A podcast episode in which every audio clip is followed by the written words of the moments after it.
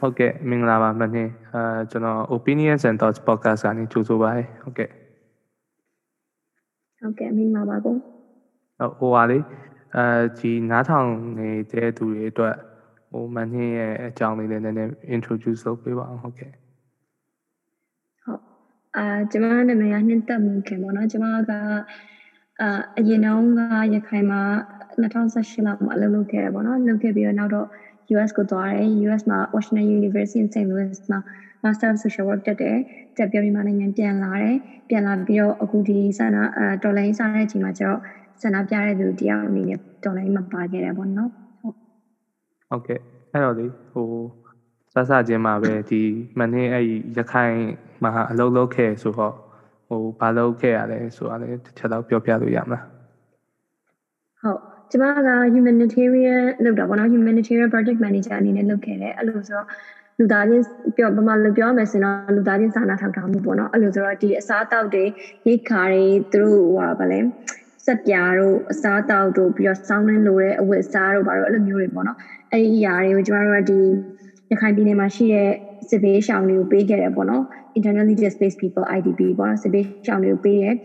အာပြီးတော့သူတို့ဥမာ medical aid တွေလိုတဲ့အကယ်၍ထားပါတော့စေကူတာမှုလိုရဲဆိုလို့ရှိရင်လည်းကျမတို့ကစေကူတာတဲ့အဖွဲ့တွေကိုအဲ့ဒီကိုရအောင်ပို့ပေးတယ်အဲ့လိုပုံစံမျိုးပေါ့နော်အဲ့မှာဆိုလို့ရှိရင်ကျမတို့ကတစ်လကိုအင်ဂျီ2000အင်ဂျီ2000ကျမတို့ target ကတစ်လောက်အင်ဂျီ2000ပေါ့နော်အင်ဂျီ2000မွတ်စလင်လည်းပါမယ်မွတ်စလင်မဟုတ်တဲ့တခြားတိုင်းသားတွေလည်းပါမယ်အဲ့ဒီမိသားစုတွေစီကိုအိတ်ပစ္စည်းတွေရောက်ပို့ပေးတယ်ပေါ့နော် ပြီးတော့ဟို organization အနေနဲ့ကတော့တခြားကျတော့ကျမတို့ဟိုငင်းငိုင်းနဲ့ပတ်သက်တဲ့ဟာပေါ့နော် peace building နဲ့ပတ်သက်တဲ့ဟာတွေ social cohesion ပေါ့နော်ဒီလူမှုသားသတာဖြစ်မှုတွေအတူတကွရှင်တွဲနေထိုင်တဲ့ဟာတွေအဲ့ဒါတွေနဲ့ပတ်သက်တဲ့ project တွေလည်းလုပ်ခဲ့ရရှင်ဟုတ်ကဲ့ဟိုနည်းနည်းဆက်စုမယ်နော်ဆက်စုမယ်ဆိုတာ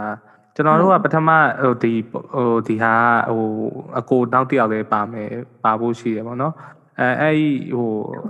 အခုကြတော့သူအချင်းကြီးအကြောင်းကြောင့်ကြောင့်ဒီမှာမပါနိုင်ဘူးပေါ့နော် မပါနိုင်ဘူးဆိုတာလည်းဟိုဒါကျွန်တော်ကဟိုနားထောင်တဲ့လူတွေသိအောင်ပြောပြပါဘောနော်ကျွန်တော်တို့ပထမ plan ထားတာတော့3ယောက်ပေါ့နော်3ယောက်ကနေအခုကျွန်တော်တို့တော်တော်စင်မှာတော့2ယောက်ပေါ့နော်နောက်ဟိုအဲဟိုအဆင်ပြေလို့တကယ်လို့ join တဲ့ချိန်ကြိုင်နေဟိုပါလာဝင်လာမယ်ပေါ့နော်အဲ့နောက်တယောက်အဲ့အဒီကြိုပြီးတော့ပြောထားပါဟုတ်ဟုတ်အဲဟုတ်အဲမဟုတ်ဟိုဒါကတော့နားထောင်နေတဲ့သူတွေအတွက်ကိုပေါ့နော်ကျိုးပြောတာတော့ကြာ ရုပ်တရက်ကြီးကြားမှာတယောက်နောက်ထပ်တယောက်ထပ်ပါလာအဲ့လိုမျိုးကြီးဖြစ်မှာဆိုလို့ဟုတ်ကဲ့ဟုတ်အာဟုတ်အဲဟိုဟာအဲ့တော့ဒီဒီ humanitarian အလုပ်တွေကိုဟိုဘယ်လိုဖြစ်ပြီးတော့စိတ်ဝင်စားပြီးတော့လုပ်ဖြစ်တာလဲပေါ့နော်ဟိုအကိုတို့ဆိုရင်ကွာအဲစိတ်ကတော့လုပ်ချင်တဲ့စိတ်ရှိရပေါ့ဒါပေမဲ့အဲ့လိုမျိုးတခါတည်းကြာရင်ဟိုအလွယ်တကူပေါ့နော်ဟိုပတ်စံမယ်လှူလိုက်တာတို့ဘာလို့အဲ့လိုမျိုးတွေ အဲပဲလှုပ်ဖြစ်တယ်ပေါ့နော်ဘာဖြစ်ဘာဖြစ်လို့လဲဆိုတော့ကျွန်တော်ဟိုခုနကဟိုပါလာမဲ့အကိုနဲ့ဆိုလဲအဲအကိုနဲ့သူနဲ့တည်ရဲ့အကြောင်းအရာအဲ့လိုပဲကျွန်တော်ဟိုအကိုကသူ့ရှိမှာသွားပြီးတော့အဲ့လိုအလူငွေသွားပြီးတော့အလူငွေသွားပြီးတော့ထည့်ထည့်ပစ်တာနေသူနဲ့တည်တာပေါ့နော်အဲတုန်းကလည်းသူကဒီဟိုကချင်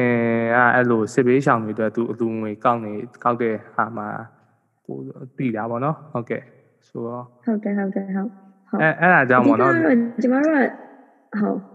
ဟိုအဲ့အကြောင်းမေးကြည့်အကိုဆိုရင်ကွာပတ်စံမဲအဲ့လိုမျိုးလူလိုက်ဖြစ်တာများညီမကြတော့လူကိုယ်တိုင်အဲ့လိုမျိုးသွားပြီးတော့ဟိုလှုပ်ဖြစ်တယ်ဆိုတော့ဒီဟာကိုတော်တော်စိတ်အားထက်တယ်ဆိုတော့အဲ့ဒီအကြောင်းလေးသိချင်လို့မေးရပါဟုတ်ဟုတ်အဓိကကလေကျမတို့ကစစ်ဘေးရှောင်ဆိုတဲ့စကားကိုခဏခဏကြားဘူးရပေါ့နော်ဒါပေမဲ့အမှန်တမ်းပြောရင်မျိုးပေါ်ကလူတွေကကျတော့ ဟိုနည်းနည်းဝေးတယ်ပေါ့နော်စစ်စစ်ပွဲနဲ့ဝေးတယ်ဝေးရတဲ့ကြောင့်မို့လို့ဒီခါလေးကြာရင်ကိုကကိုညီတဲ့ဟိုစာနာတယ်ပေါ့နော်ဒါပေမဲ့တကယ်တမ်းအဲ့လိုမျိုးအတိအကျအခြေအနေကိုမသိကြတာများတယ်ပေါ့နော်အဲ့ဆိုကျွန်မကအဲ့ဒီအလုပ်ခေါ်စာတွေ့တဲ့အချိန်မှာအရင်စိတ်ဝင်စားတယ်ပေါ့နော်သူတို့ဘာတွေလုပ်တာလဲဘယ်လိုမျိုးတွေလုပ်ရမှာလဲအဲ့ဒီတော့ကျတော့လေဒီရခိုင်ကြီးက2019မှာဖြစ်တယ်မှလားဖြစ်တဲ့ခါကျတော့ဒီဟာအရင် sensitive ဖြစ်တဲ့အခြေအနေလေးအခြေအနေဆက်ခါကျတော့ကျွန်မသိချင်တယ်ဒီအခြေအနေကိုလည်းနားလည်ချင်တယ်ပြီးတော့ကိုယ်ပဲနေရာကနေကူညီနိုင်မလဲပေါ့နော်အဲ့ဒီဟာကိုကူညီချင်တယ် အဲ့လိုမျိုးနဲ့သွားဖြစ်တာပေါ့နော်ပြီးတော့နောက်တစ်ခုကကျတော့ငကိုတွေကလည်းကျွန်မအဲ့လိုမျိုးပတ်စံနေပါတယ်လှူပါတယ်တော့လုပ်တယ်ဒါပေမဲ့ဟိုအဲ့ထက်ပိုပြီးပါနိုင်ခြင်းနဲ့ပေါ့နော်ဟိုကိုယ့်မှာဒီကိုယ့်ရဲ့ဒီခန္ဓာကိုယ်နဲ့ပဲဖြစ်ဖြစ်ခန္ဓာကိုယ်စားဘယ်လိုပြောမလဲဟိုလုံအားနဲ့ပဲဖြစ်ဖြစ်ပေါ့နော်လုံအားနဲ့ပဲဖြစ်ဖြစ်အချိန်အားနဲ့ပဲဖြစ်ဖြစ်ညံအားနဲ့ပဲဖြစ်ဖြစ်ဘယ်နေရာပါရပါရပေါ့နော်အဲ့လိုမျိုးပါခြင်းနဲ့အဲ့လိုဆိုတော့အဲ့ဒါနဲ့ငါကိုယ်တိုင်သွားကြည့်မယ်ဒီနေရာတွေမှာဘယ်လိုတွေရှိလဲဆိုတဲ့ဟာကိုလေ့လာမယ်အဲ့လိုစိတ်နဲ့သွားဖြစ်တာပေါ့နော်ပြီးတော့တကယ်တမ်းပြောရမယ်ဆိုရင် စစ်ပွဲဖြစ်နေတဲ့နေရာတို့ပြိပခဖြစ်တဲ့နေရာတို့ဆိုတာတုံတန်လူတွေကမသွားချင်ကြအောင်ပေါ့နော်။ဘာလို့လူတိုင်းကလည်းကိုယ့်အသက်အန္တရာယ်ကိုစိတ်ပူပဲလုံခြုံရေးကိုစိတ်ပူတယ်။အဲ့ချိန်မှာကျမကဘယ်သူမှမသွားဘူးဆိုတာတော့မဖြစ်ဘူးကွာ။တယောက်ကတော့သွားမယ်တယောက်ကတော့ကူညီရမယ်။အဲ့တော့အဲ့တယောက်ဆိုတာတစ်ခါလေးမှာကိုယ်ပဲဖြစ်နေတတ်တယ်သိရမလား။သူများတွေကမလုံနိုင်ဘူးပေါ့နော်။အဲ့ချိန်ကျတော့ငါကိုယ်တိုင်သွားပြီးတော့ငါကိုယ်တိုင်လေ့လာကြည့်မယ်ဆိုပြီးတော့အဲ့စိတ်နဲ့လုပ်တာပေါ့နော်။ငါကိုယ်တိုင်တကယ်သွားပြီးကူညီမယ်ဆိုတဲ့စိတ်နဲ့ပါ။ဟုတ်။ဟုတ်ကဲ့။ဟို ဟုတ်ကောင်းပါတယ်အဲ့လိုမျိုးဒီလုံနိုင်တယ်ကျွန်တော်ဟိုကိုကကြာတယ်အဲ့လိုမျိုးအားကြတာဗောနော်ကိုယ်တိုင်မလုံနိုင်ဘူးဆိုတော့အဲ့အကြောင်းမေးကြည့်ရပါဟုတ်ဟုတ်အဲ့တော့လေအဲညီမရောက်တဲ့အချိန်မှာအဲ့တော့ညီမကကိုယ်တိုင်အဲ့ဒီဒီမြေပြင်မှာပေါ့ပြောရရင် on ground တကယ်ရောက်ခဲ့ရဆိုတော့အဲ့ရအခြေအနေလေးတွေနည်းနည်းပြောပြပေးပါလားအဲ့မှာဟိုသူတို့ရဲ့နေထိုင်ရတဲ့အဲအခြေအနေအဲ့လိုအစားအသောက်အဲ့လိုပေါ့ဟုတ်ကဲ့ဟုတ်ဒီဒုက္ခတွေအဲ့ရအခြေအနေကတော့ဟုတ် အဲကျမတို့သွားတဲ့အချိန်မှာတချို့တွေကအဲအဲ့လိုမျိုးထွက်ပြေးလာတဲ့လူတွေပေါ့နော်နေရာတွေပြောင်းလာတဲ့လူတွေရှိတယ်ပြီးတော့တရွာလုံးကျွရွာလုံးကျွအဲ့လိုချိန်ခါလေးရွာတို့ဘာလို့ပေါ့နော်အဲ့လိုရွာတွေဆိုရင်ရွာလုံးကျွမီးရှုခံထိတဲ့ရွာတွေရှိရပေါ့နော်အဲ့လိုရွာတွေရှိတယ်ပြီးတော့အဲ့လိုမျိုးဟိုဒီဗာလဲအင်းတင်တို့ဘာလို့ပေါ့နော်ခုနအပြင်တို့ဆိုလို့ရှိရင်လည်းတော်တော်ဟိုသူတို့အဲဟို အဲ့လိုမျိုးထွက်ပြေးရတဲ့ရွာတွေပေါ့နော်အဲ့လိုရွာတွေကိုရောက်ခဲ့တယ်ရောက်ခဲ့တဲ့အချိန်မှာကျွန်မအဓိကသတိထားမိတာတော့လူတွေကကြောက်တယ်ပေါ့နော်ကြောက်တယ်ဆိုတော့အကိုတို့လည်းသိမှာပါဟိုဒီလိုမျိုးတွေစိုးစိုးဝါးတွေဖြစ်ခဲ့ပြီးတဲ့နောက်မှာတော့ဘယ်သူမှဆိုကြောက်မှာပဲလေသိလားအဲ့လိုဆိုတော့ကျွန်တော်တို့တစ်ခါလေကြားလို့ရှိရင်ရွာထဲမှာအိတ်တဲ့ဟာတွေရှိတယ်ပေါ့နော်ရွာထဲမှာအိတ်တယ်ဆိုလို့ရှိရင်ရွာလူတွေကအကိုတွေရှိနေတဲ့အတွက်ကြောင့်မို့လို့သူတို့ကပို့ပြီးတော့ကြောက်တယ်ကွာသိလားကိုတွေကိုခေါ်ထားတဲ့အတွက်ကြောင့်မို့ပို့ပြီးတော့ကြောက်တယ်အဲ့လိုဆိုတော့သူတကားတွေကိုချက်မင်းထုံးကြီးတွေလေမင်းထုံးအကြီးရှိတယ်ကွာတော်တော်ကြီးကြီးတယ်အဲ့လိုမျိုး ဟိုတသိဟိုမဟုတ်လက်တထောင်လောက်မဟုတ်အရှိပဲနှစ်ပေသုံးပေလောက်ရှင်မင်းထုံးအဲ့လိုမင်းထုံးကြီးတွေပိတ်ကြတယ်ပြီးလို့ရှိရင်အောက်မှာညာဘက်ဆိုလို့ရှိရင်ဟိုဟာကင်းဆောင်တဲ့လူရှိတယ်အဲ့လိုမျိုးတွေနေကြတယ်ပေါ့နော်ဘာလို့ဆိုဘယ်အချိန်မှာအန်ရီရဲ့ရောက်လာမယ်ဆိုတဲ့ဟာကိုပြောလို့မရဘူးအရင်တုန်းတွေကလည်းဒီလိုမျိုးပဲငင်းငင်းနေတဲ့နေနေရနေပြဿနာတွေဖြစ်ခဲ့ကြတာကိုပဋိပက္ခတွေဖြစ်ခဲ့ကြတာဆိုတော့အဲ့လိုမျိုးတွေလူတွေအရန်ကြောက်တာတွေ့ရတယ်ပြီးတော့တယောက်နဲ့တယောက်မယုံကြည်တဲ့ဟာပေါ့နော်ဟို ဥပမာထားလိုက်ပါတော့မွတ်စလင်မျိုးပါကိုရခိုင်ငါသွားရမယ်ဆိုလို့ရှိရင်ရခိုင်အနေနဲ့နည်းနည်းစိတ်ထဲမှာတစ်မျိုးဖြစ်တယ်ရခိုင်ရွာကိုလည်းမွတ်စလင်ကသွားရမယ်ဆိုလို့ရှိရင်မွတ်စလင်အနေနဲ့စိတ်ထဲမှာတစ်မျိုးဖြစ်တယ်အဲ့လိုမျိုး mistrust တွေပေါ့နော်ဒီ community community နှစ်ခုလို့ပြောရမှာပေါ့နော်မွတ်စလင်မြန်မွတ်စလင်မဟုတ်တဲ့ community ရဲ့ပေါ့အဲ့ဒီကြားထဲမှာ mistrust တွေအများကြီးရှိတယ်ပေါ့နော်မယုံကြည်မှုတွေရှိတယ်ပြီးတော့ ကျမအနေနဲ့ဆိုလို့ရှိရင်လည်းကျမဒေတာကံမဟုတ်ဘူးပေါ့နော်ရခိုင်လည်းမဟုတ်ဘူးမွတ်စလင်လည်းမဟုတ်ဘူးစကားပြောတာကလည်းတိတာတယ်ကွာကျမဘာမှစကားပဲပြောရဖြစ်တဲ့ကြောင့်မလို့တိတာတယ်အဲ့တော့ကြောင့်မလို့ကျမကိုဆိုလို့ရှိရင်လည်းအဲ့လိုမျိုးမယုံတာတွေပါတယ်ရှိမလားပေါ့နော်။ဘာကြောင့်ဒီကောင်မလေးကရောက်နေရလဲဆိုတဲ့ဟာမျိုး။အဲ့မောအဲ့လိုမျိုးဟာတွေကတော့တော်တော်လေးသတိထားမိရဲ့ကို။ဟုတ်ကဲ့။အော်ဟုတ်ကဲ့။ပြီးတော့အဲ့လိုမျိုးဟာမှာကြာခုနပြောရဲအနေရဘယ်ချိန်ဖြစ်လာမှမသိဘူးဆိုတော့ ဟိုတိဒါရှင်းရှင်းလင်းလင်းဖြစ်သွားအောင်နည်းနည်းမေးကြည့်ရပါတော့။ဘယ်အဖွဲ့တွေကအဲ့လိုမျိုးဒီလူတွေကိုအနေပြုတာများလဲပေါ့။အဲ့မှာကြာတော့လေအပြင်ကအနေဆိုအကိုတို့ဆိုဒီပြည်မအနေကြည့်မယ်ဆိုရင်အဲ့မှာဖြစ်နေတာဟို AA လည်းရှိတယ်တို့အာစာလည်းရှိရပြီးတော့ဒီစစ်တပ်လည်းပါတယ်ဆိုတော့လေအဲ့လိုတော့ဟုတ်ကဲ့ဟုတ်အဲ့တော့အဲ့ civilian တွေကသူတို့ဘယ်သူကသူတို့အဲ့လိုမျိုးပေါ့အဓိကဒုက္ခပေးနေတယ်ပေါ့ဟုတ်ဟုတ်အာ အဲ့လိုမျိုးတော့နည်းနည်းတော့ပြောရခက်တယ်ပေါ့နော်အဲ့သုံးဘွဲမှာဘယ်ဟာဘူးဒုက္ခပေးလဲအဲ့လိုမျိုးတော့ပြောရတာခက်တာပေါ့ဒါပေမဲ့အဓိကတော့ clearance operation တွေပေါ့နော်နေမြေရှင်းလင်းရေးဆိုတဲ့စကားကတော့ကြောက်စရာကောင်းတဲ့ထဲမှာပါတယ်ပေါ့နော်ဒီဟိုကဘာလဲ level အနီနဲ့လေးသိရမလားဟိုဟုတ်ကဲ့ level မှာအနီအနီပတ်ထားတဲ့လူတွေလာပြီးသူတို့တွေကားကြီးတွေနဲ့အများကြီးလာပြီးနေမြေရှင်းလင်းရေးလုပ်တော့မယ်ဆိုရင်အဲ့ဒါကတော့အားလုံးကြောက်ရတဲ့အရာပေါ့နော်ကျမတို့ကိုယ်တိုင် solution လဲသူတို့လာပြီးဆိုလို့ရှိရင်ငါတို့ဘာဆက်လုပ်မှာလဲဆိုတဲ့ဟာမျိုး အဲ့လိုမျိုးစဉ်းစားရတယ်ပေါ့နော်နေမြေရှင်းလင်းရေးလုပ်တာလားဒါမှမဟုတ်သူတို့ကသူတို့ဒီတိုင်းတက်ပြောင်းတာလားအဲ့ဒီဟာကိုတော့စဉ်းစားရတယ်ပေါ့ပြီးတော့ပွင့်လင်းပြောလို့ရှိရင်ကျတော့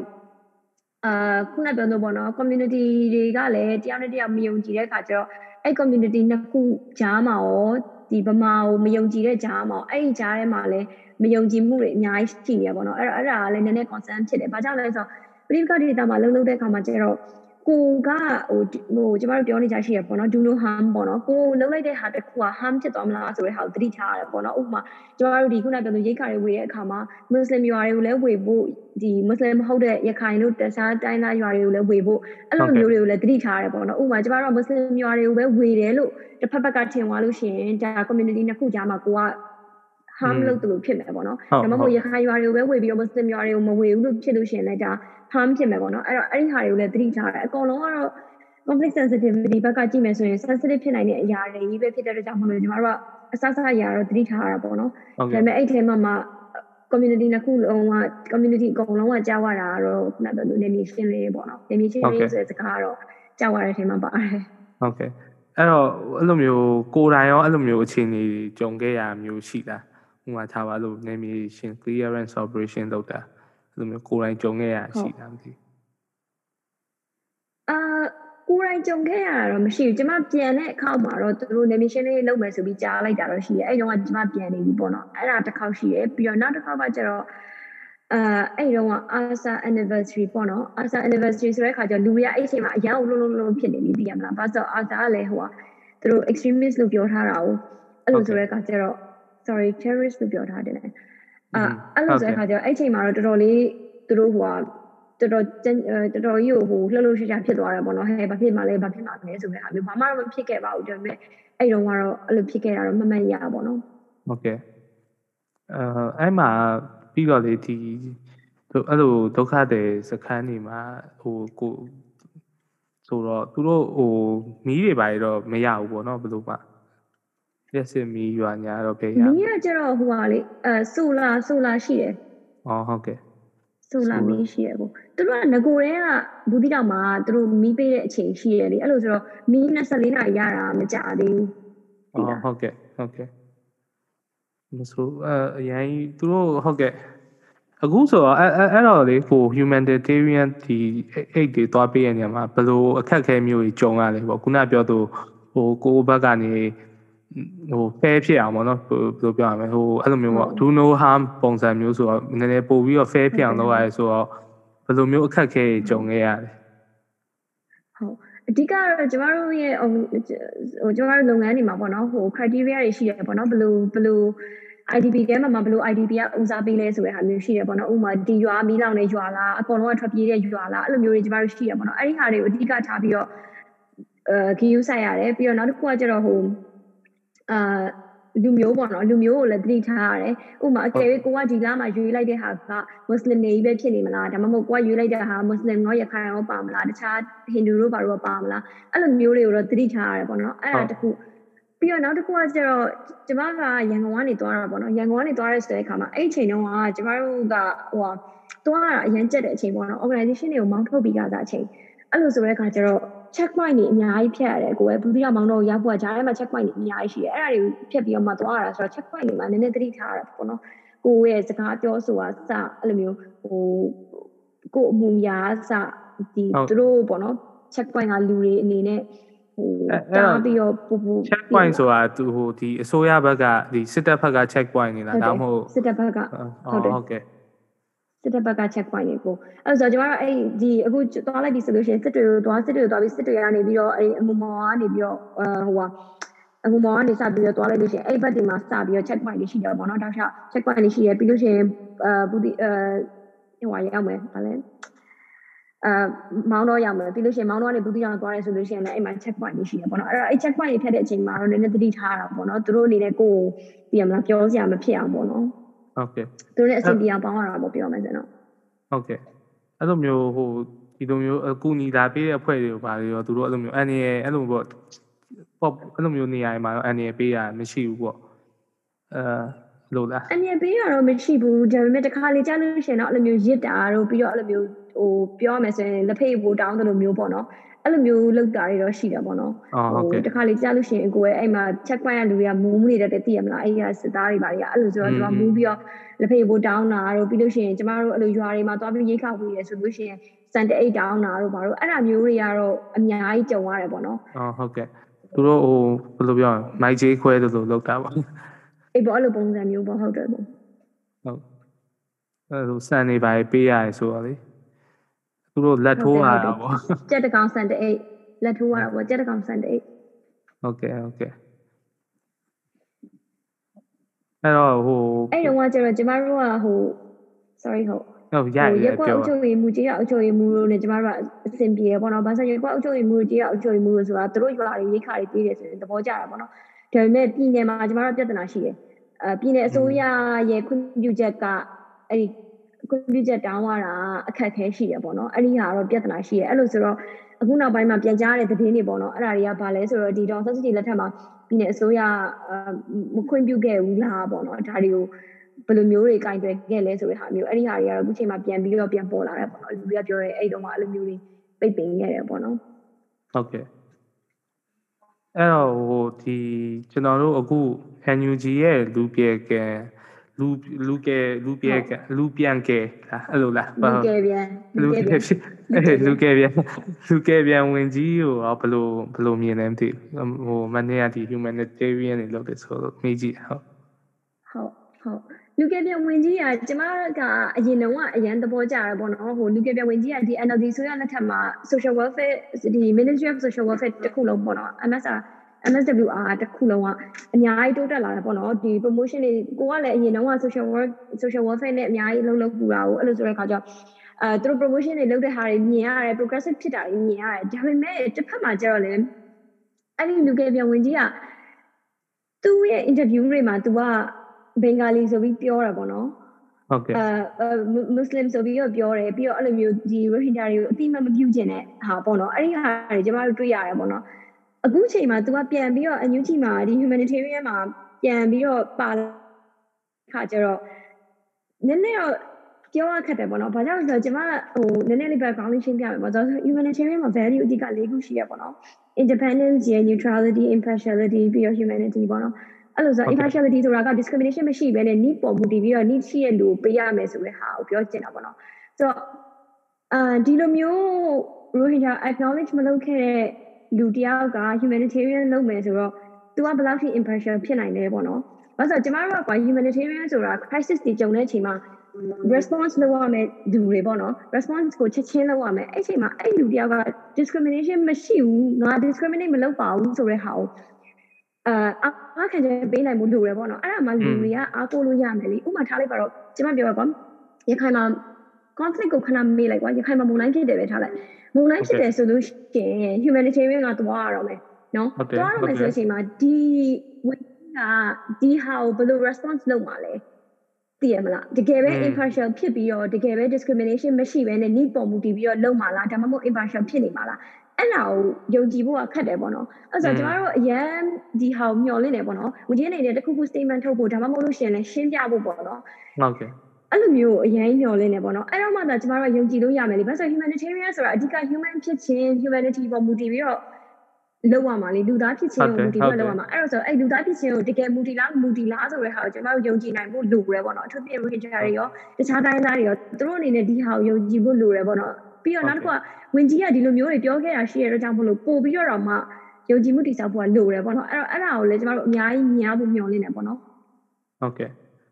အဲ့တော့ခုနဟိုအာနည်းနည်းပြောရတဲ့အချိန်မှာအဲ humanitarian ခုန၄ခုကိုနည်းနည်းကျွန်တော်အဲကျန်တဲ့ဟာလေးလည်းနည်းနည်းတော့ရှင်းပြပေးပါလားဟုတ်ဟုတ်ဟုတ်ဟုတ်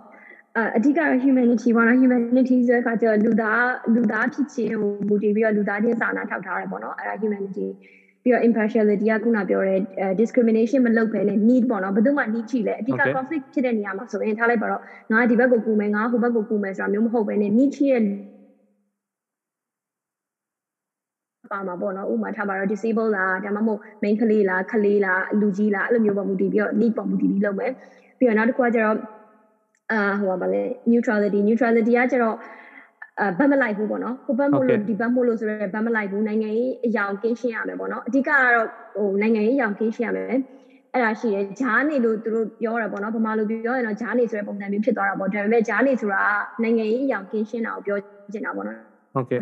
NLD မို့လို့ကူညီမယ်စစ်တပ်မို့လို့ကူညီမယ်အဲ့လိုမျိုးမဟုတ်ဘူးပေါ့နော်ဟုတ်ကဲ့အဲ့လိုမျိုး neutrality ပြီးတော့နောက်ဆုံးတစ်ခုက independence ပေါ့ independence ကကျတော့အမိကိုကင်းကင်းနဲ့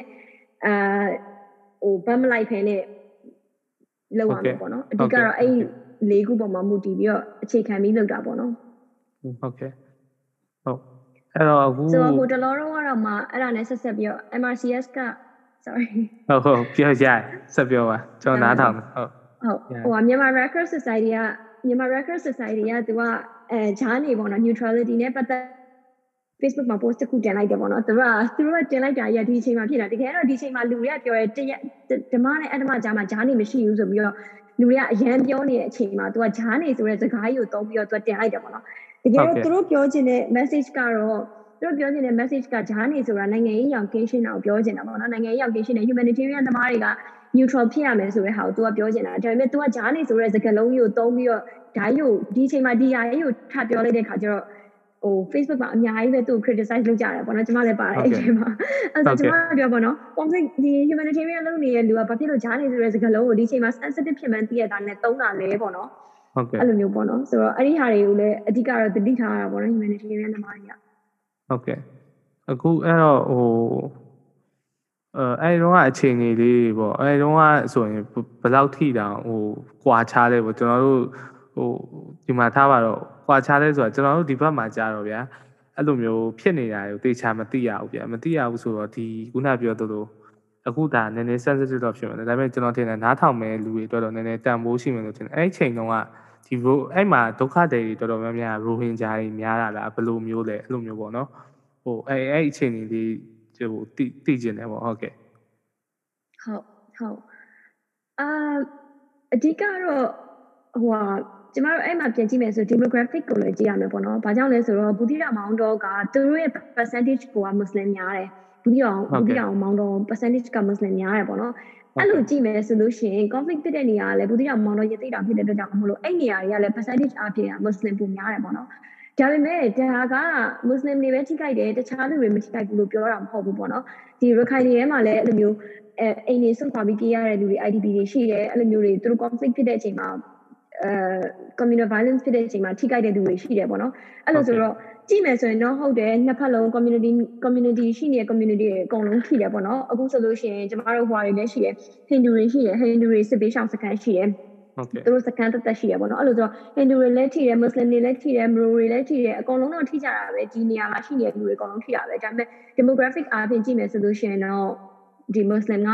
ညားတဲ့ပုံစံမျိုးဖြစ်တာပေါ့နော်ပြီးတော့နောက်သူတို့ကတော့ပို့ဆိုးတာ clearance operation တွေလုပ်တဲ့အချိန်မှာသူတို့က border ဖြတ်ပြီးဟိုဘက်ကို Bangladesh ကိုရောက်သွားတဲ့လူတွေရှိတယ်ပေါ့နော်အဲ့လိုဆိုတော့အဲ့လိုကြည့်မယ်ဆိုလို့ရှိရင်တော့ထွက်ပြေးတဲ့အထဲမှာတော့ဒီ border cross လုပ်တဲ့အထဲမှာတော့ muslim တွေပေါ့နော်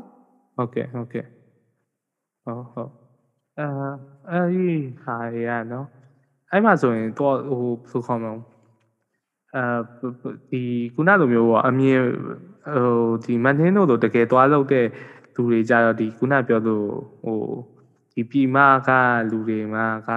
ဒီ ICJ ကိုသွားတဲ့အချိန်မှာကျွန်တော်တို့တော်တော်များများပေါ့နော်ဒီပြည်မဘက်မှာဒီရန်ကုန်တို့မြို့ပေါ်မှာနေတဲ့လူတွေတော်တော်များများဟိုအဲ့အခြေအနေမှဟိုအနေဟိုတေချာမသိပဲနေပေါ့နော်ဒီလိုမျိုး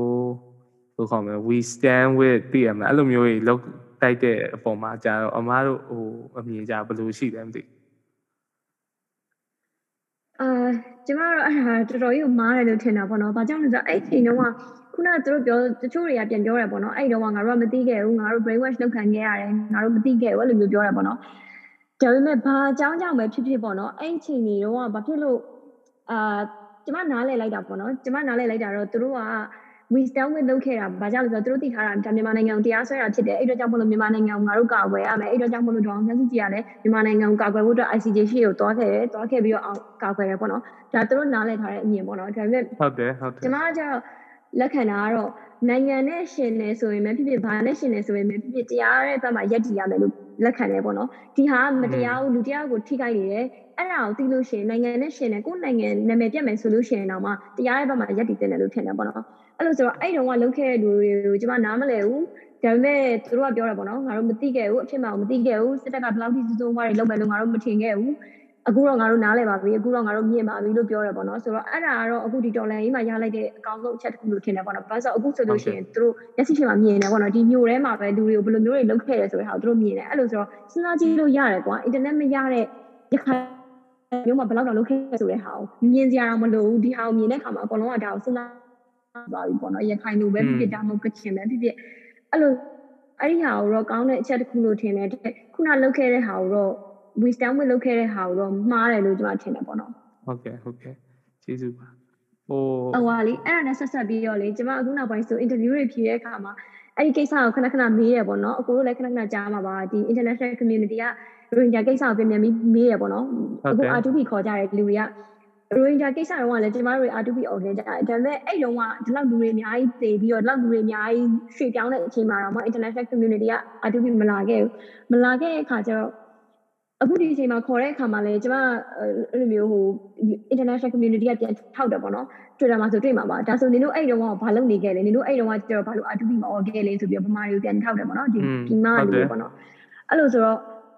အဲ့ဒီအချိန်မှာကျမတို့ response ကောင်းကောင်းနဲ့ဖြေတတ်ဖို့တော့လိုတယ်လို့ထင်တယ်။ဘာလို့ဆိုအခုဆိုရင်မြန်မာ international community ကကြည်နေတယ်။ကြည်နေတဲ့အချိန်မှာကိုရီးယားဟိုငါတို့ acknowledge မလုပ်ဘူးလို့ဘာလို့အဲ့လိုမျိုးတွေပြောမဲ့အစားပေါ့နော်။ဟုတ်တယ်ဒါတွေဖြစ်ခဲ့တယ်ငါတို့မှားခဲ့တယ်ငါတို့မသိခဲ့ဘူးဒါပေမဲ့အခုချိန်မှာငါတို့သူတို့ acknowledge လုပ်တယ်ပြီးတော့သူတို့လည်း equal right ကြားစီခြင်းတယ်ဆိုတဲ့ဟာမျိုးအဲ့လိုမျိုးပြန်ပြီးတော့ reframe လုပ်ဖို့လိုတယ်လို့ထင်တယ်ပေါ့နော်ဒီတိုင်းမေ့ကြအောင်ဆောင်လိုက်တာပဲဖြစ်ဖြစ်ကြော်ချလိုက်တာပဲဖြစ်ဖြစ်မဟုတ်ဘဲနဲ့ တကယ် national policy လို့ပုံစံမျိုး statement တွေပါတွေထုတ်ပြီးတော့ပေါ့နော်ငါတို့ဒါတွေကိုငါတို့လစ်လျူရှုခဲ့မိတယ်ဆိုတဲ့ဟာကိုအဲ့ဒါကိုလုပ်ဖို့လိုတယ်လို့ထင်တယ်ပေါ့နော်ပြီးတော့အကိုလည်းသိမှာပါကျွန်မဟို transitional justice အကြောင်းပြောတဲ့အခါကျတော့သူတို့အတွက်လည်း transitional justice ကအရေးကြီးတယ်ပေါ့နော် transitional justice မှာ solution လည်းဒီ legal legal ဘိုင်းဟိုအာအရေးယူတာတည်းမဟုတ်ဘဲနဲ့ပေါ့နော်ဟို non legal ဘိုင်းအရာလည်းပြန်ပြီးတော့သူတို့ရဲ့အမှန်တရားကိုရှာဖွေပေးဖို့သူတို့ acknowledge လုပ်ဖို့ပြီးတော့ဒီ အာအာဟိုပါလေ framework တွေပြန်ပြီးတော့တည်ဆောက်ဖို့အဲ့လိုမျိုးတွေပေါ့နော်အဲ့ဒီဟာတွေကလည်းအရင်ရေးကြည့်ရပေါ့နော်အထူးသဖြင့်ဟိုဥမာကျမတို့ထားလိုက်ပါတော့အခုဒီအခုဒီအရေးတော်ပုံမှာဆိုလို့ရှိရင်ကြာဆုံးသွားတဲ့တည်ရဲကောင်းတွေကျမတို့ပြန်ပြီးတော့သူတို့အတွက် memorialization တွေပါတယ်လုပ်ဖို့အဲ့လိုမျိုးလုပ်တယ်လို့မျိုးပဲပေါ့နော်ဒီအရင်တော့ဖြစ်ခဲ့တဲ့ China data တွေမှာရောရိုဟင်ဂျာကိစ္စတွေမှာရောအဲ့လိုကိစ္စတွေမှာပြန်ပြီးတော့ကျမတို့ကဒါတွေကို acknowledge လုပ်ပေးဖို့အရင်ရေးကြီးရလို့ထင်တယ် trust trust building ကအဲ့ရနေစမှာပဲအကယ်၍ကျမတို့က ပါဇက်နဲ့ပဲပြောတယ်ပါဇက်နဲ့ပဲပြောတယ်ဆိုတာထက်ကွာပါဇက်နဲ့တော့မပြောကြော်ချလိုက်တယ်ဆိုလို့ရှိရင်ဘလို့မှ trust building ကရမှာမဟုတ်ကြော်ချလို့ရအောင်မရအောင်ဒါကိုလုံးဝကြော်ချလို့မရအောင်ဒါအကွဲကြောင့်ဖြစ်တဲ့အတွက်ကြောင့်မလို့အကွဲကြောင့်စက်ကိုစက်မှရမယ်အဲ့ဒါမှကျမတို့ရှေ့ဆက်လို့ရမယ်မဟုတ်လို့ရှိရင်တော့တယောက်နဲ့တယောက်မယုံကြည်ပဲဒီတိုင်းပဲဆက်ဖြစ်နေဦးမှာပဲလေနော်ဟုတ်ဟုတ်တယ်ဟိုပြီးတော့လေနောက်တစ်ခုကဒီအဲ့လိုမျိုးဟာရေပေါ့ကျွန်တော်တို့ဘက်မှာကြာဟိုတော်တော်များများပေါ့ဆိုအဲ့လိုမျိုးပေါ့ဟာငါတို့ကတိမမသိတာဘယ်လိုသိရမလဲအဲ့လိုမျိုး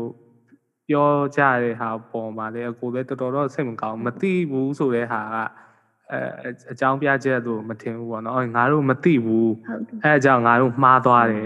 အဲ့လိုဖြစ်ရမှာသိရမှာလူတွေကငါတို့မသိဘူးဆိုတဲ့နေရာမှာရက်လိုက်တယ်ကွာသိလားမသိဘူးဆိုတဲ့ဟာကိုအပြစ်မဟုတ်ဘူးလို့ပြောထုတ်လိုက်တာမသိတဲ့ဟာကဟုတ်တယ်ဟုတ်တယ်ဒါမသိဟာမှားသွားတာအသိတာ မသိဟုတ်တယ်ဟုတ်တယ်မသိတာမှားရှိသေးတယ်ဟုတ်အဲ့လိုကွာ because you choose to see အဲ့လိုကွာ you choose to take in the propaganda လို့ထင်တယ်ကွာ propaganda တွေကိုဟုတ်တယ်သိရမှာကိုလက်ခံလိုက်တာလက်ခံလိုက်တာကွာသိလားဟုတ်တယ်အဲ့တော့ဘာပဲပြောပြောကိုဘက်ကတော့အနေနဲ့အများအမှားမကင်းဘူးလို့တော့ထင်တယ်ပေါ့နော်မကင်းဟုတ်တယ်ဟုတ်တယ်ဟုတ်တယ် နောက်တစ်ခုရှိသေးတယ်ဟိုကလေကျမ normalize လုပ်တယ်ကွာဥပမာထားပါတော့ကချင်မှာစစ်ဖြစ်တယ်ဆိုလို့ရှိရင်လူတွေကအော်ကချင်ကစစ်ဖြစ်နေကြပဲပေါ့နော်အဲ့လိုမျိုးတွေးလိုက်တယ်ကွာဒီလားအော်ကချင်မှာစစ်ပွဲဖြစ်မှာပေါ့ကချင်မှာလက်နက်ကင်ရှိတာ哦ဒီမှာအဲကရင်မှာစစ်ဖြစ်တယ်ဆိုလို့ရှိရင်လည်းဒါက normal ဖြစ်နေတယ်ဆိုတဲ့ဟာမျိုးတို့ကယူဆလိုက်တယ်ကွာ normalize လုပ်လိုက်တယ်အဲ့လိုဆိုတော့ကျမအမြဲအဲ့လိုမျိုးပြောရပေါ့နော် normalize လုပ်စရာအကြောင်းမရှိဘူးမတရားတာမှန်သမျှ normalize လုပ်စရာအကြောင်းမရှိဘူးလုံးဝဥပမာထားပါတော့ကွာဟိုအမျိုးသမီးတယောက်က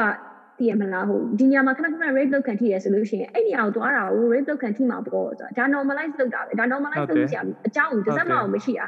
မကောင်းဘူးမတရားဘူးဆိုရင်မတရားတဲ့ဟာကိုမတရားတဲ့အကြောင်းပြောဖို့ပြောရမယ်ကွာမတရားတာကို normalize လုပ်တယ်ဆိုတာကဒါအားပေးအားမြောက်လုပ်နေရတယ်တူတူပဲတူတူပဲဟုတ်တယ်ဒါကိုကိုယ်နဲ့မဆိုင်ဘူး ignore လုပ်လိုက်တယ်ဆိုတာ silence is violence ပဲကွာသိလားဟုတ်တယ်ဆိုတော့အဲ့လိုမျိုးခုနပြောလို့ပေါ့နော် ဟုတ်တယ်ကချင်မှာစစ်ဖြစ်တယ်ဘာကြောင့်စစ်ဖြစ်တာလဲဒါအောင်ငါတို့လေ့လာရမယ်ဒါအောင်ငါတို့ဘလို့ဟုတ်တယ်ပါဝင်နိုင်မလဲပေါ့နော်အဲ့လိုမျိုးစဉ်းစားရမယ်ကွာတိအဲ့လိုမဟုတ်ပဲねအာကချင်မှာစစ်ဖြစ်တာပဲဒါဖြစ်နေကြပဲဆိုအဲ့လိုလုပ်လို့မရအောင်ဒါ normalize လုပ်တာပဲသိရမလားအဲ့တခုတော့ကျွန်မတော်တော်လေးဟို allergic ဖြစ်တဲ့နေရာမှာပါတယ်ပေါ့နော်ဟုတ်ကဲ့ဟုတ်ကဲ့အဲဟုတ်တယ်စဉ်းစားရင်တော့တော်တော်အဲ့လိုမျိုးပေါ့အဲဟိုကျွန်တော်တို့ဆိုတဲ့အကိုတို့ဆိုတဲ့ဟိုမှားမှားတယ်လို့ပြောရမှာအဲတုန်းက ဘာမှမသိခဲ့ဘူးကွာ I was like I didn't know anything ပေါ့နော်သိလား was ဖြစ်ပြနေရအများကြီးပဲပေါ့နော်ဘာဖြစ်လို့ဖြစ်နေမှမသိဘူးပေါ့နော်အဲဆိုတော့ဟုတ်တယ်ဟုတ်တယ်အဲ့ issue ကိုအဲ့လိုကွာအကိုအကိုကကြာအဲ့လိုလုံးဝ ignore ကြီးလုပ်လုပ်ခဲ့လိုက်တာကွာအဲ့လိုမျိုးသိလားဟဟိုအဲ့လိုမျိုးဟိုခုနပြောသူ human humanitarian side ကတော့ကိုအဲ့လိုကူကူနိုင်သူကူရယ်ကွာသိလားခုနပြောရဟိုဟုတ်ဟုတ်ဟုတ် အဲ့နိုင်ငံရေးနဲ့ပတ်သက်သွားတာကြာလုံးဝ ignore အဲ့လိုလုပ်ခဲ့လိုက်တာကွာသိလားလောက်လိုက်လို့ဖြစ်သွားတာဟုတ်ဟုတ်တယ်ဟုတ် ဟုတ်ဟုတ်အဲဟုတ်တယ်ဒါပေမဲ့အဲ့ဒီဟာကိုကျမတို့အခုချိန်မှာပြန်ပြီး reframe လုပ်လို့ရှိရင်မှီသေးတယ်ကွာကျမဆိုအဲ့လိုမျိုး international community နဲ့စကားပြောတဲ့ဟာတွေမှာဆိုလို့ရှိရင်အဲ့လိုမျိုးပဲပြောရဲကွာဟုတ်တယ်ပေါ့မြန်မာတိုင်းနိုင်ငံလုံးအပြင်ကြည့်မယ်ဆိုလို့ရှိရင်ငါတို့ ignore လုပ်ခဲ့မိတာတွေရှိတယ်ငါတို့မရက်တီပေးခဲ့မိတာတွေရှိတယ်ဒါပေမဲ့အခုမဟုတ်တော့ဘူးအခုငါတို့စူးစမ်းနေတယ်အခုဒီဟာကိုအစကနေပြန်စပြီးတော့ square one ကနေပြန်စဖို့အတွက်စူးစမ်းနေရပေါ့နော်အဲ့ဒီဟာကိုကျမပို့ပြီးတော့ highlight လုပ်တယ်อืมချို့ရကြပါလဲဆိုတော့ ဟိုအကိုတွေ့မှာပါ Facebook မှာလူတွေကရေးထားကြတယ်ရိုဟင်ဂျာအကြောင်းပြောလို့ရှိရင် reply ပြန်မလုပ်နဲ့တော့ကြော်ချလိုက်တော့ဆိုကြော်ချလို့မရဘူးဒါကြော်ချလို့မရကြော်ချရင်လည်း international community ကပြန်ပြီးပြောနေအောင်ပါပဲတည်ဟုလားတ်တယ်ဟုတ်တဆိုယ်တော့ဒါကိုကျမတို့ရှင်းဖို့လိုတယ်ကွာမရှင်းမဲနဲ့မင်းစီအောင်ဆောင်လိုက်လို့ကဘလို့မှမဖြစ်ဘူးအဲ့ဒါအဆင်မပြေဘူးဟုတ်တယ်မအရင်မှန်တယ်ဘလို့အဲ့ဒါတော့ဘလို့မှမဖြစ် ဟုတ်တယ်အဲ့လိုမျိုးလေးဖုံးဖိထားလို့မရဘူးကွာဒါကြီးကတိနေပြီလူတွေကသိရမလားဟုတ်အဲ့ဒါကိုဘာကိစ္စထပ်ပြီးဖုံးဖိဖို့ကြိုးစားတာလဲဖုံးဖိရမယ့်အချိန်မဟုတ်တော့ဘူးကျမတို့ဒါကိုအမှန်တိုင်းလက်ခံပြီးကိုမှားခဲ့တယ်ဆိုလဲမှားခဲ့တယ်ပေါ့နော်ဟုတ်တယ်ငါတို့မပြောခဲ့မိဘူးအဲ့တော့ကြောင့်မလို့ငါတို့အခုချိန်မှာတော့ငါတို့ပြောနေပြီးငါတို့တို့ကိုတကယ်ဟိုလိုလိုလားလားရှိပါတယ်ဆိုတဲ့ဟာကိုပြဖို့လိုတယ်ပေါ့နော်အဲ့လိုလုံးမှပဲရမှာမဟုတ်ရင်တော့ trust building ကဖြစ်လာမှာမဟုတ်ဘူးဟုတ်တယ်ဟုတ်တယ်ဟိုမနေ့ကဒီ transitional justice ကြောင်းလည်းပြောရဆိုတော့ကျွန်တော်တို့အခုထားပါတော့ခု ပြီးသွားရင်တော့ဘယ်လိုပုံစံမျိုးလုပ်တဲ့လဲအခုမှထားပါခုနပြောသူ revolution ကအောင်သွားပြီးဟိုဒီစစ်ကောင်စီကိုဖြုတ်ချနိုင်ပြီဆိုရင်ကျွန်တော်တို့ transitional justice ကဘာတွေလုပ်ရမလဲပေါ့ဟုတ်ကျမရဲ့ transitional justice ကိုအရင်စိတ်ဝင်စားရပေါ့နော်ပြီးတော့နောက် အာ post revolution scenario တွေကိုပို့ပြီးတော့စိတ်ဝင်စားတယ်ဘာလို့အခုလူတွေကပြောတယ်ပုံရန်သူကိုပဲတိုက်ပုံရန်သူကိုပဲတိုက်ပြီးမှဆက်ပြောမယ်ဆိုတာအဲ့ဒါအဆင်မပြေဘူးပုံရန်သူကိုတိုက်နေတဲ့အချိန်မှာပဲကျမတို့ကဘလို့နိုင်ငံတော်တစ်ကိုမြင်ချင်တာလဲအဲ့နိုင်ငံတော်တစ်ကိုကိုမြင်ချင်တဲ့ပုံစံတိုင်းအခုတည်းကတခါတည်း frame ချမှရမယ်ပေါ့နော်ဟုတ်အဲ့ကဲ့လိုဆိုတော့ transitional justice ဘက်ကကြည့်မယ်ဆိုလို့ရှိရင်အာဟိုကကျမတို့ charter ထဲမှာလည်း ပါတော့ပါတယ်ပေါ့နော် transitional justice လို့စကားလုံးမသုံးပေမဲ့ transitional justice နဲ့ပတ်သက်တဲ့ဟာတွေပါတယ်ဥပမာ CDM သမားတွေကိုစုချမယ်ဆိုတဲ့ဟာတွေအဲဆုံးသွားတဲ့လူတွေအတွက်ဟိုအမှတ်တရဟိုအထိမ်းအမှတ်တွေလုပ်ပေးမယ်လမ်းတွေကိုသူတို့သူတို့နာမည်တွေပေးမယ်ဆိုတဲ့ဟာတွေအဲ့ဒါတွေအရင်ကောင်းတယ်ပြီးတော့မိသားစုတွေကိုပံ့ပိုးမယ်ဒီခြေကျိုးလက်ကျိုးဖြစ်တဲ့သူတွေဟိုဟာခြေပြက်လက်တက်ဖြစ်တဲ့သူတွေကိုပံ့ပိုးမယ်အဲ့လိုမျိုးဟာတွေရှိမှာပေါ့နော်ပြီးလို့ရှိရင်နောက်ပြီးတော့ကျွန်မမြင်ချင်တာကတော့ အဲ့ဒါဒီ human rights ministry အောက်ကနေသွားမလားဒါမှမဟုတ်တက်သက်သွားမလားတော့မသိဘူးပေါ့နော်ဒါပေမဲ့ကျွန်မမြင်ချင်တာတော့အဲ့လိုမျိုး independent commission ပေါ့နော် transitional justice commission လို့ဟာမျိုးမြင်ချင်တယ်ပေါ့နော်အခုကျွန်မတို့ election commission တို့ဘာလို့လိုမျိုးပေါ့နော်အဲ့လိုမျိုး independent ဖြစ်တဲ့ transitional justice commission တခုမြင်ချင်တယ်မြင်ချင်ပြီးတော့သူတို့အနေနဲ့ဒီ ICJ Rome Statute sorry ICC ပေါ့နော် Rome Statute လက်မှတ်ထိုးတဲ့ကိစ္စတွေနောက်အဲ့ဒီအာဟိုပါလေဒီဒီစစ်ကောင်စီကိုပေါ့နော်သူတို့ဘယ်လိုမျိုးဖြစ်ပေးမလဲဆိုတဲ့ဟာတွေအဲ့ဒါတွေကိုလည်းလုပ်စေချင်တယ် ဒါပေမဲ့တစ်ဖက်ကလည်းခုနပြောလို့ပေါ့နော်ဒီ legal measures တွေမဟုတ်ဘဲနဲ့ non legal measures ဘိုင်းမှာဆိုလို့ရှိရင်လည်းအဲ့ဒီအဲဒီထိကြိုက်တဲ့လူတွေပေါ့နော်နင်နာခဲ့တဲ့မိသားစုတွေအဲ့လူတွေကိုဘယ်လိုမျိုးတွေကူညီမလဲဆိုတဲ့ဟာမျိုးပေါ့နော်အဲ့လိုမျိုးအရင်မြင်ချင်တယ်ကိုဟုတ်ကဲ့အဲ့တော့ဟိုအဲ့လိုမျိုးလုပ်ပြီးဆိုရင်တော့ကျွန်တော်တို့ဘယ်ဘယ်လိုလုပ်မလဲဒီစစ်ကောင်စီဘက်မှာဆိုရင်ဘယ်လိုသူတွေကိုဘယ်လိုအပြစ်ပေးခြင်းလဲ အဲ့ဒီကတော့ဖြေရခက်တယ်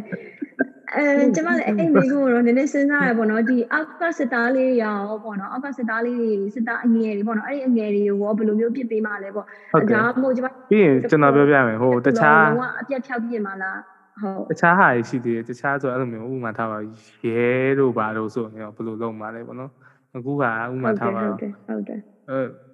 မော်ဒါမှမဟုတ်သိရမှာရင်ထင်းရဲဆိုရင်ရော ဘယ်ဘယ်လိုလုပ်မှာလဲဒီလူတွေကြတော့အဲသိတာအရင်ဟုတ်တယ်ဟုတ်တယ်အဲအဲ့ဒါနည်းနည်းအဲ့လိုလူအဲ့လိုလူမျိုးတွေပေါ့ဥပမာပြီးရင်ဟိုအဲ CTM မလုပ်တဲ့လူတွေကြတော့ဘယ်လိုလုပ်မှာလဲအဲအဲ့ဒါတွေပေါ့နော်သိတာ စိတ်ဝင်စားဖို့အဲ့ကောဒီင်းမှာလေလေဟိုကဒေါက်တာဇော်ဝေဆိုးကသူကပြောတယ်လေ CDM မလုပ်တဲ့သူတွေကိုအရေးယူမယ်ဆိုတာအပြစ်ပေးမယ်ဆိုတာအဲ့လိုမျိုးတွေပြောရပေါ့နော်အဲ့တော့ကျွန်မဟိုတစ်ခါကလည်း Clubhouse မှာအဲ့အကြောင်းနည်းနည်းပြောပြတယ်ပေါ့နော်အဲဒီဟာ human rights ဘက်ကနေကြည့်လို့ရှိရင်ရောအဲ့လိုမျိုးလုပ်လို့ရလားဆိုတဲ့ဟာမျိုးပေါ့နော်ဟုတ်တယ်အဲ့ဟုတော့တ်တကျယ်မတို့သွားချင်တာကကျမတို့သွားချင်တာကအာဏာရှင်စနစ်မဟုတ်ဘူးကျမတို့သွားချင်တာကအဲလူ့ပြည်ကိုတံမိုးထားတဲ့နိုင်ငံတော် အဲလူကိုလူလူပဲမြင်တဲ့နိုင်ငံတော်လူသားရဲ့အခွင့်အရေးကိုအပြည့်အဝတံမိုးထားတဲ့နိုင်ငံတော်ပေါ့နော်အဲ့ချိန်မှာကျမတို့ကဟို polarized community နှစ်ခုကိုဖန်တီးနေရလားပေါ့နော် CDM နဲ့ non CDM ဆိုပြီးခွဲလိုက်တယ်ဆိုလို့ရှိရင်ဒါ polarized ဖြစ်သွားမှာပေါ့နော် အဲ့ဒါကိုတော့နည်းနည်းပြန်ပြီးတော့မေးခွန်းထုတ်ဖို့လိုတယ်လို့ထင်တယ်ပေါ့နော်ကျမမှာတော့အဖြေမရှိနေဘူးဒါပေမဲ့အဲ့ဒါတွေကိုလည်းကျမတို့စဉ်းစားဖို့လိုတယ်ဘာလို့လဲဆိုတော့ကျမတို့ကဒီစစ်တပ်ရဲ့တသွေးတန်တမိန်တွေပါတယ်အဲ့ဒါတွေကိုကျမတို့ထားခဲ့တော့မှဒီအာနာရှင်စနစ်တွေကိုကျမတို့ထားခဲ့တော့မှထားခဲ့တော့မှဖြစ်တဲ့အတွက်ဒီ high စံကျင်ဘက်ကိုကျမတို့ကသွားနေတာဖြစ်တယ်အဲ့မှာကျမဟုတ်တို့တယ်ဒီ value တွေကိုဆက်ပြီးစုပ်ကင်ထားမှလားပေါ့နော်အဲ့ဒါကိုတော့စဉ်းစားဖို့လိုတယ်လို့ထင်တယ်ဘာလို့ဆိုတော့အခုအကိုလည်းမြင်ပါပါ social punishment နဲ့ပတ်သက်တဲ့ဟာတွေမှာဆိုလို့ရှိရင်လည်းနည်းနည်းအဲ့လိုမျိုး အစိုးရောက်တဲ့ဟာတွေတွေ့ရတယ်ပေါ့နော်အဲ့လိုဆိုတော့ကျမတို့ကအဓိကဒီဟာတွေကိုစန့်ကျင်တာဖြစ်တဲ့အတွက်ဒီဟာတွေနဲ့စန့်ကျင်ဘက်ကိုသွားရမှာလေသိလားနော်ဟုတ်တယ်ဒီ value ကိုဆက်စုပ်ကင်ထားမယ်ဆိုရင်တော့ကိုယ့်ရဲ့နိုင်ငံတော်တစ်ကလည်း institution ပဲပြောင်းပြီးတော့ဒီ value တွေပဲဆက်ဖြစ်နေမှာလားပေါ့ဟုတ်တယ်ဟုတ်တယ်အဲ့ဒါရမ်းမှန်တယ်ဆက်ဆွေးနေဖို့လိုသေးရဲ့ဟုတ်ဟုတ်တတယ်ယ် value ဆိုချိန်ရမှာအဲ့ဒါအဓိကပဲ institution တွေပြောင်းလိုက်တာယုံနေတော့တိတ်ထူသွားမှာမဟုတ်အဲ့ value တွေပြောင်းသွားမှာထူသွား ဟုတ်မှာတယ်ဟုတ်တယ်အဲ့လိုပေါ့ကျွန်တော်ဟိုဒါကြုံတော့ပေါ့နော် Facebook မှာအဲ့လိုမျိုးတွေ့ရတချို့တွေကအခုချိန်ကြီးပေါ့နော်ဒီဒီခုနပြောရဲ့ Rohingya ကိစ္စဆိုရင်ဒါတွေကခိုးဝင်နေပါတော့ဘာလို့အဲ့လိုကြီးအခုချိန်ကြီးပြောနေတဲ့လူတွေရှိသေးတာနည်းနည်းလေးစိတ်ထဲမှာစိတ်ထဲမှာကောင်းဘူးပေါ့နော်မြင်ရအဲ့လိုမျိုးဟိုဟုတ်တယ်ဟုတ်တယ်ဟုတ်တယ်ဒီဟိုအဲ့တော့ဟို ဟိုဘယ်လိုပြောရမလဲဒီဒီခုန charter အကြောင်းလေးပြောတယ်ဆိုတော့ charter ထဲမှာဆိုရင်ဒီ citizenship citizenship ပေါ့နော်ဒါလည်းနည်းနည်းတိုင်းနည်းနည်းလေးဟိုဘယ်လိုပြောရမလဲတိတ်မမရှင်းထားဘူးပေါ့နော်အဲ့ထဲမှာအဲ့ဒါလည်းနည်းနည်းကျွန်တော်တင်တာတော့ပြဿနာရှိတယ်ဟုတ်တယ်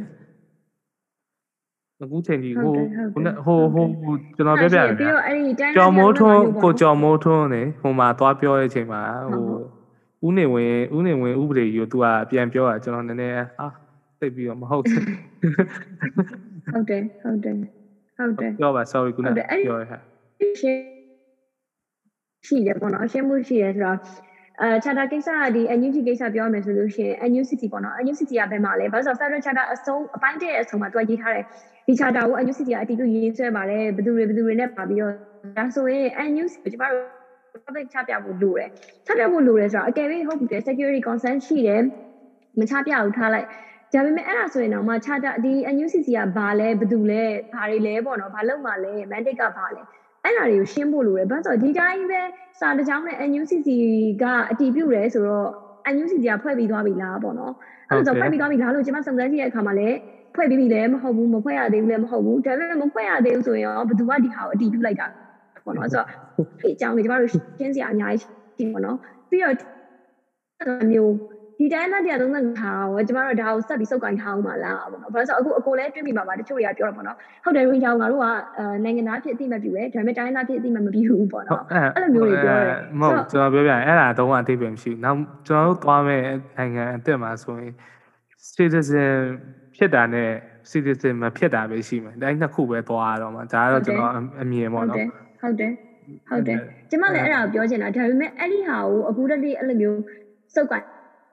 ထားကြတယ်ပေါ့နော်ဒီဟိုဟာခုနပြောပေါ့နော်စစ်ဟိုဟာတိုင်းသားဟိုဟာဖို့ဆိုရဲဟာတိုင်းသားဆိုရဲ135စုပ်ကိုင်ထားတယ်အဲ့လိုဆိုတော့အဲ့135မျိုးဆိုရဲ list ကဘယ်ရရတာလဲပေါ့နော်အဲ့ဒါတွေပြန်လိုက်ရင်ကျွန်တော်ပြောစရာတွေကမပြီးတော့ဘူးကွာသိလား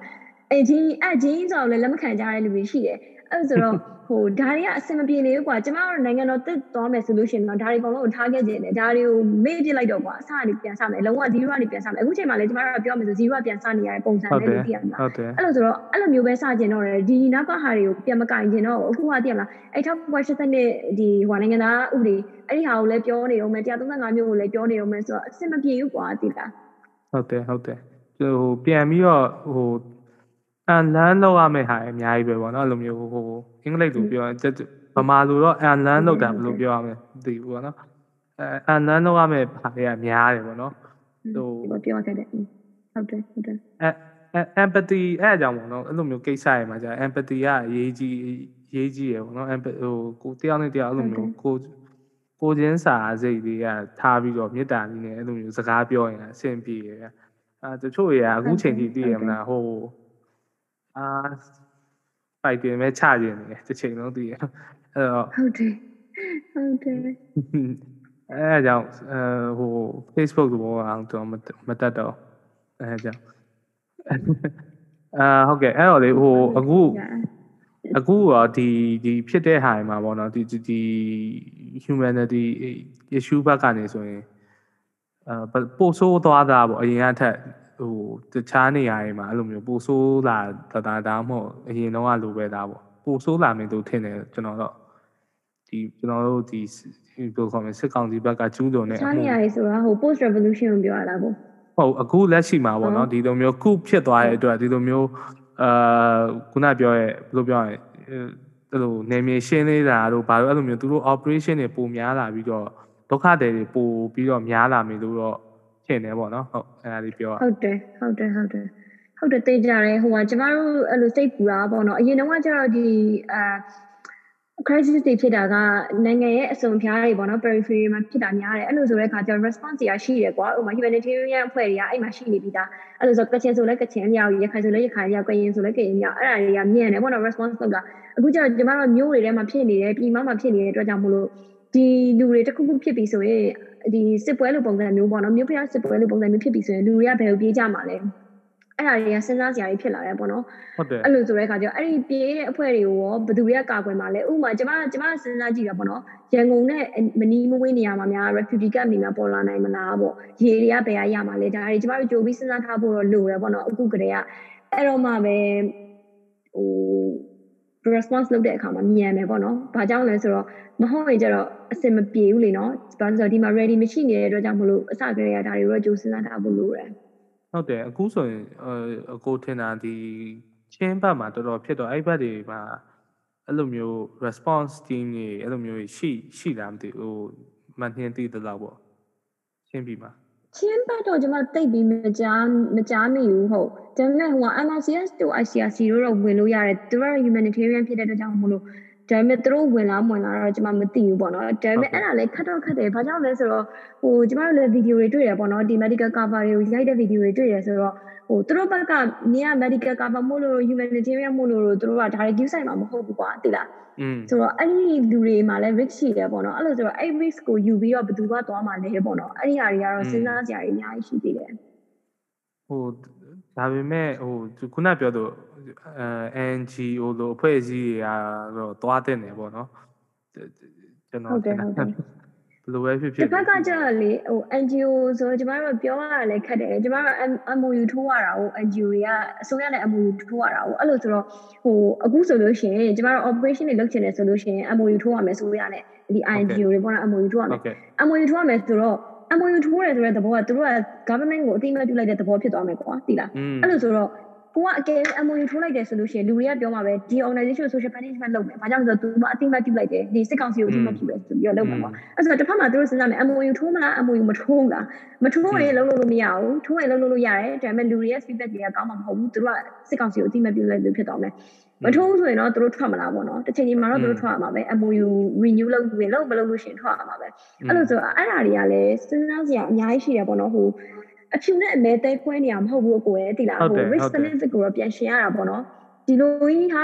ဒါလုံးမယ်အဲ့လိုမျိုးကြီးပြောလို့မလွယ်နေဘူးကွာတိလားဟုတ်တယ်ဟုတ်တယ်ဟုတ်တယ်နော်အဲ့တော့အဲ့လိုမျိုးကြီးကြာဘယ်လိုဘယ်လိုဟိုဟာဖြစ်ရမလဲပေါ့အခု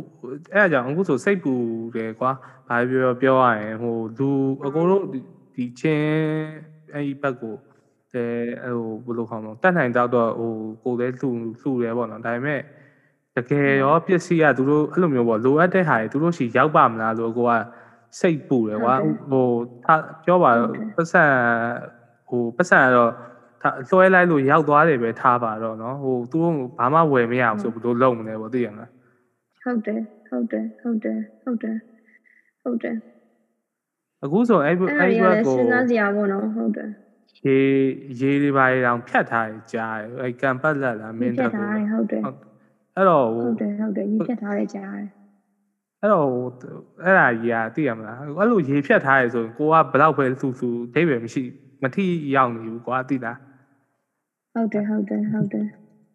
ဟုတ်တယ်အဲ့ဒါတော့အမှန်ပဲဘာလို့ဆိုဟို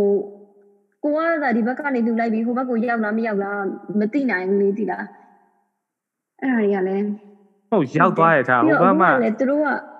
အတိရှိလို့ရောက်သွားရတာဟိုဘက်မှာဝယ်စရာပစ္စည်းမှဟို supply မရှိဘူးဆိုဘာမှလုပ်လို့မရဘူးလေပတ်အစံရှင်မရဘူးဟုတ်တယ်ဟုတ်တယ်ပတ်စံအဲ့ချိန်လက်ကားပဲဖြစ်မှာအခုဟုတ်တယ်မလားဟုတ်တယ်ဟုတ်တယ်ဟုတ်တယ်အခုသူတို့ကလည်းလုံးဝဖြတ်လေးပြက်လို့ပုံစံမျိုးလုပ်နေရလေစစ်စစ်တိုက်တယ်လို့မျိုးပဲသူတို့ကဖြတ်လေးပြက်ကိုလုပ်နေရဆိုတော့သူတို့ကတော့ဟနောက်ပိုင်းတော့ပိုဆိုးလာဖို့ပဲရှိရသိရမလားဘယ်ဟာတွေသူတို့ထပ်ဖြတ်အောင်မလဲပေါ့နော်ရခိုင်မှာတော့လည်းအင်တာနက်ဖြတ်တာတော့ဘာလို့တွေကဖြစ်ခဲ့တာပဲဆိုတော့อืมအခုလည်းသူတို့ကရေအောင်ဖြတ်တယ်ဆိုရင်ပိုဆိုးမှုပဲရှိရပေါ့နော် ဟုတ်တယ်အဲ့ရေဖြတ်တဲ့ကိစ္စဟုတ်မဟုတ်တော့မသိဘူးเนาะကျွန်တော်လည်းဒီလိုပဲ Facebook မှာတွေ့လို့ပြောတာကြောကြအမှားအမားရေလျှောက်ပြောနေရဆိုပြီးတော့နားထောင်တဲ့လူတွေတင်းနေအောင်တေချာတော့မသိဘူးဒါပေမဲ့ this is podcast also bear with it ပေါ့နော်အာ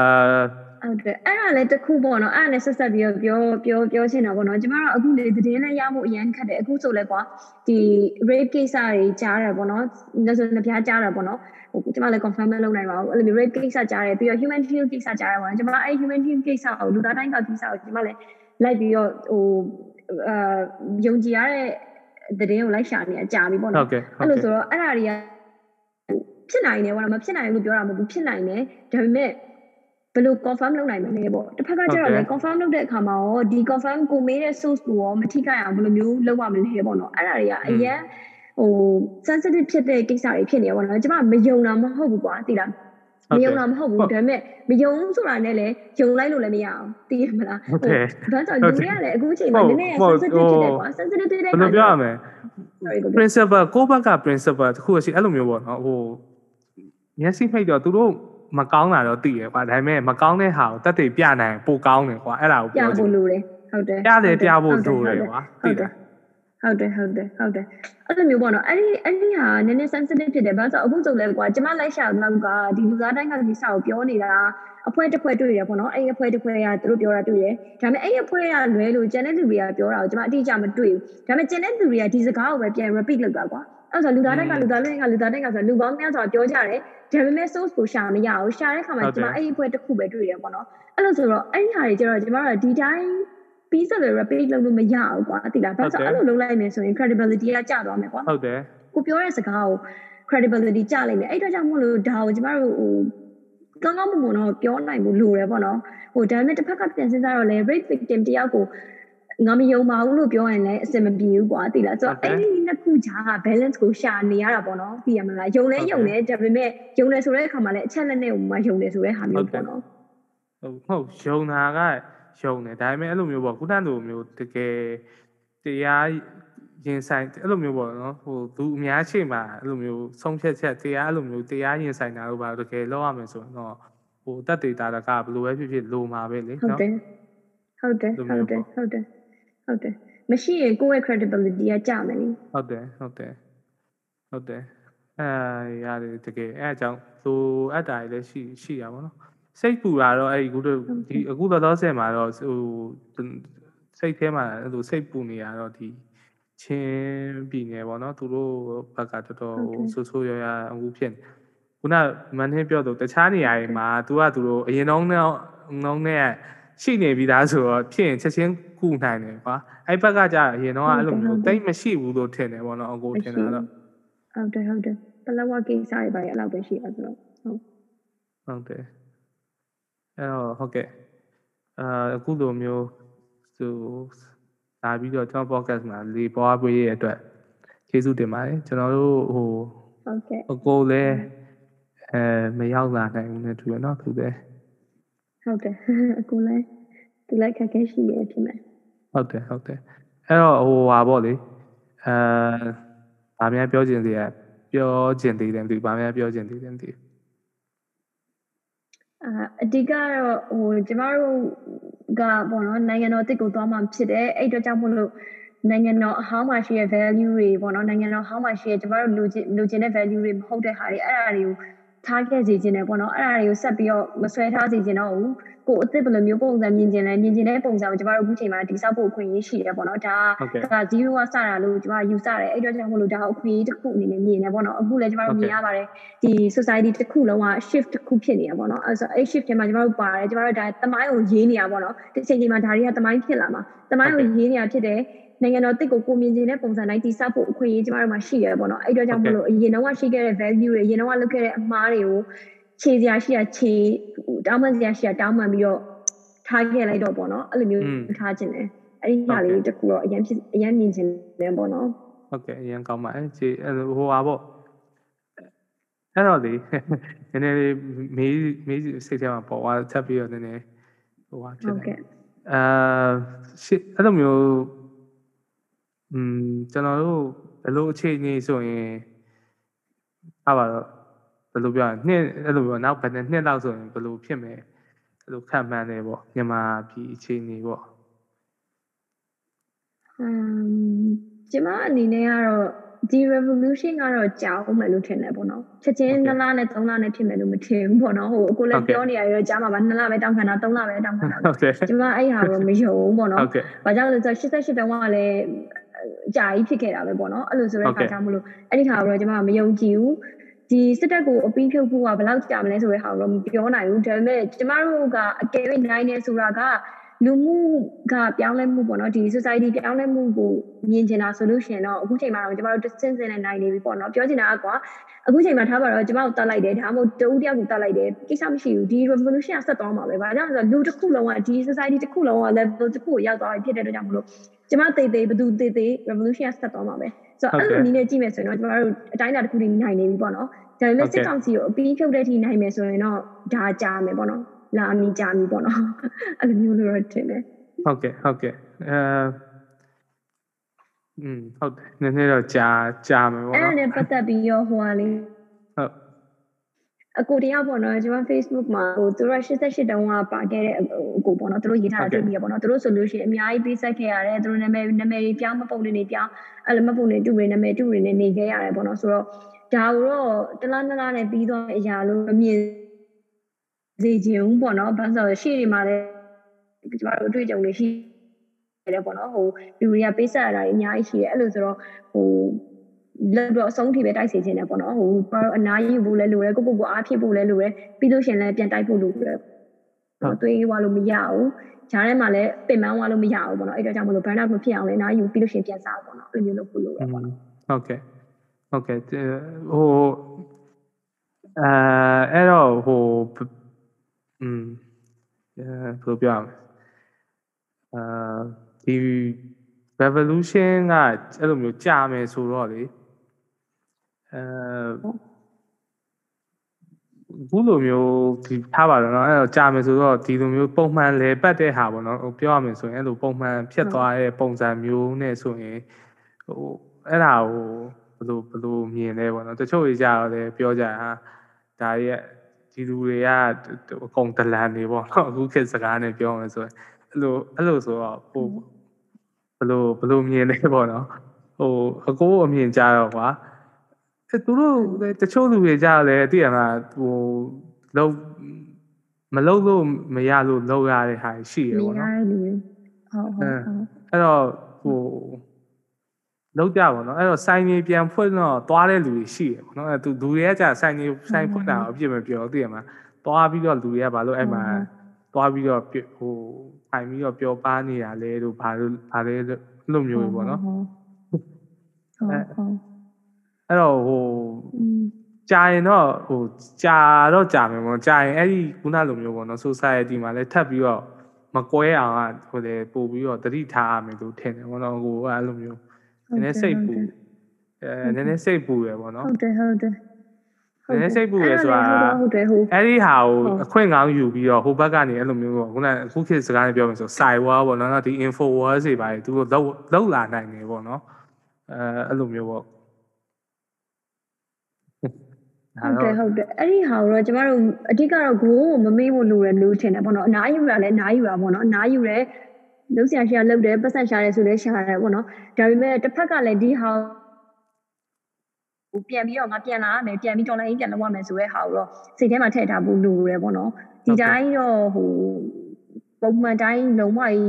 normal back to normal တော့ပြန်လုပ်လို့မရဘူးပေါ့နော်အဲ့ဒါဆိုရင်တော့ normalize လုပ်လို့တော့လုံးဝမရဘူးဟုတ်တယ်ဟုတ်မတယ်ရဘူးဟုတ်တယ် ဟုတ်တယ်အဲ့တော့88နဲ့ဒီအခုခင်နဲ့ဘာကွာလဲလို့မြင်လဲပေါ့ခုနကညီမ88ဒီ Facebook ထဲမှာလည်းတွေ့ရဆိုအဲ့လိုမျိုးလူတွေနဲ့